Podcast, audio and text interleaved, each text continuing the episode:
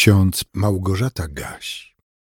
Dzisiaj jest czwartek, 26 stycznia 2023 roku. W psalmie czwartym, wierszu ósmym czytamy Wlałeś w serce me większą radość, niż kiedy ma się obfitość zboża i wina. A w liście do Rzymian w czternastym rozdziale, wierszu siedemnastym czytamy Królestwo Boże to nie pokarm i napój, lecz sprawiedliwość i pokój i radość w Duchu Świętym. Radość w Duchu Świętym staje się udziałem tych wszystkich, którzy w Bogu rozpoznają swego Pana i Zbawiciela.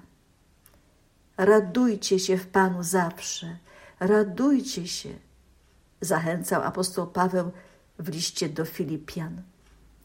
A Pan Jezus do swoich apostołów powiedział: Gdybyście mnie miłowali, to byście się radowali. Stąd wniosek, że radość w Duchu Świętym wypływa z miłości do Jezusa.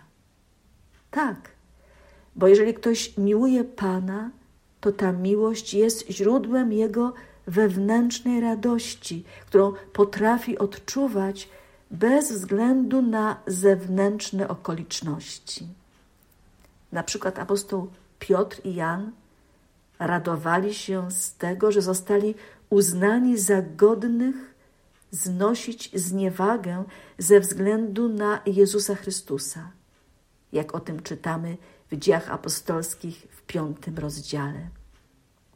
Już w kazaniu na górze Pan Jezus zapowiadał swoim wyznawcom: Błogosławieni jesteście, gdy wam złorzeczyć i prześladować was będą i kłamliwie mówić na was wszelkie zło ze względu na mnie.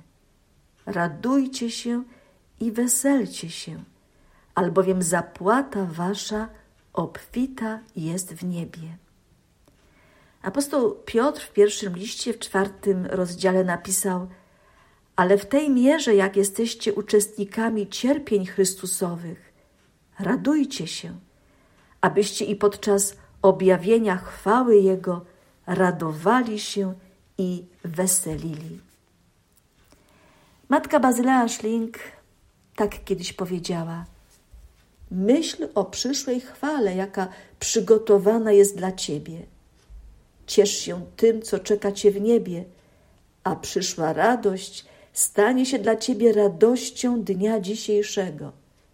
Żyj nadzieją, a smutek ustąpi. Chrześcijańska radość bardzo mocno wiąże się z nadzieją.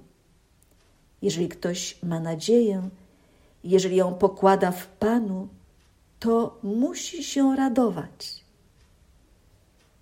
Jego radość powinna promieniować na zewnątrz. Ktoś kiedyś słusznie zauważył, że chrześcijanin bez radości i dziękczynienia jest podobny do pieca bez ognia. Jest zimny i chłodno jest dookoła niego. Oby nikt nie musiał się o nas w ten sposób wyrażać. Bóg chce, abyśmy naszą radość przekazywali innym, mówili o niej, a przede wszystkim pokazywali ją w swym stosunku do ludzi, którzy nas otaczają, a także do problemów, które musimy rozwiązywać. Jest taka współczesna pieśń, która rozpoczyna się od słów radość, radość, radość mają ci, których Panem jest Bóg. Czy słowa tej pieśni stały się już rzeczywistością w naszym życiu? Czy odczuwamy autentyczną radość z powodu tego, że Bóg chce być naszym Panem i naszym życiem kierować? Matka Teresa z Kalkuty kiedyś tak wypowiadała się na temat radości. Radość jest modlitwą serca. Radość jest siłą, która pobudza do działania. Radość jest miłością, wypływa z miłości do Pana i oddziaływuje na bliźnich. Radość czyni z nas radosnych dawców, takich, którzy mogą podobać się Panu. Chrześcijanin powinien wszystko przyjmować z radością.